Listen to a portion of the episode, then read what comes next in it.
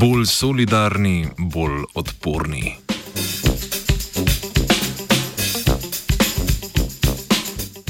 V današnjem zbritofu na pozitivni nogi začenjamo ponedeljek z raziskavo, v kateri sta raziskovalca ugotavljala vpliv kolektivnih čustev na solidarnost skupnosti po kolektivnih travmah. Izkazana povečana solidarnost nakazuje na družbeno odpornost, rezilientnost skupnosti ob katastrofah. Čeprav sta se avtorja v članku osredotočila na teroristični napad v Parizu leta 2015, podobno velja tudi za čas koronavirusa, ko se solidarnostne akcije na socialnih omrežjih vrstijo ena za drugo.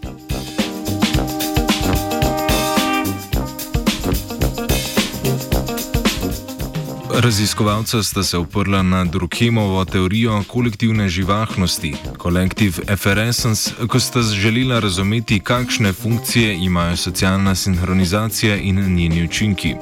Zanimale so ju medosebne komunikacije, ki ob traumatičnih dogodkih vključujejo izjemno bogate vsebine v poteku dogodkov in spremljajočih čustvih.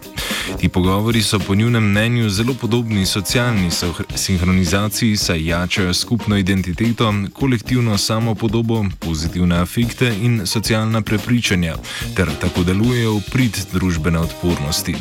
Trdita, da socialno deljenje kolektivnih čustev torej poganja socialno sinhronizacijo v prizadeti skupnosti in s tem predstavlja različico Durkheimove teorije.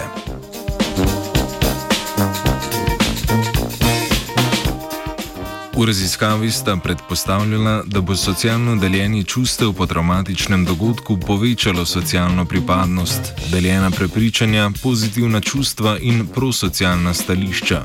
Empirično sta želela analizirati kolektivno živahnost, tako da sta pogledala povezavo med skupinsko čustveno izkušnjo in solidarnostjo prek primerjave dinamike kolektivnih čustev z leksikalno analizo na solidarnost vezanih objav na Twitterju po terorističnem napadu v Parizu novembra 2015.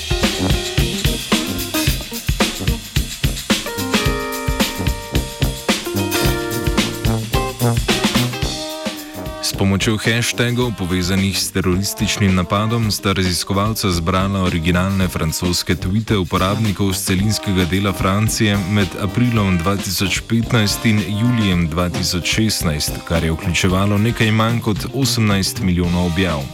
Objave sta analizirala s pomočjo metod lingvistične analize in štetja besed.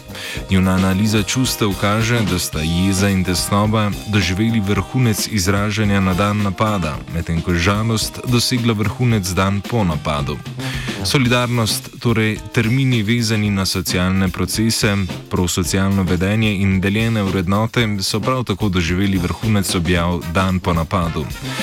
Pove Povezavo med obojim so preverili z modelom, ki je pokazal, da tweet s čustveno vsebino dobro napreduje, napoveduje naslednji tweet iste osebe o socialnih procesih, velja pa tudi obratno, a v manjši meri.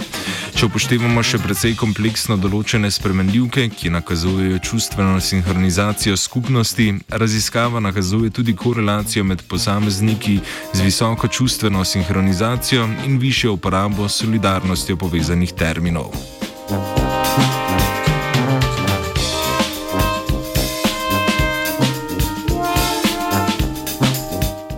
Sodeč po tej raziskavi, je izražanje solidarnosti na Twitterju povezano s predhodno udeležbo v objavljanju kolektivno dojetih čustev. Vendar slika ni tako preprosta. Ne gre za vzročno posledično povezavo, temveč bolj verjetno za vzajemno soplivanje solidarnosti in čustev v različno dolgih časovnih obdobjih. Zaključujete, da nismo povezani na vkljub kolektivnim travmam, temveč ravno zaradi njih krepimo naše vezi.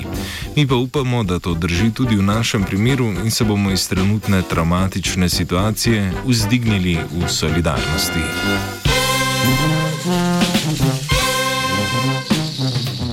Zbritov je pripravila Ana.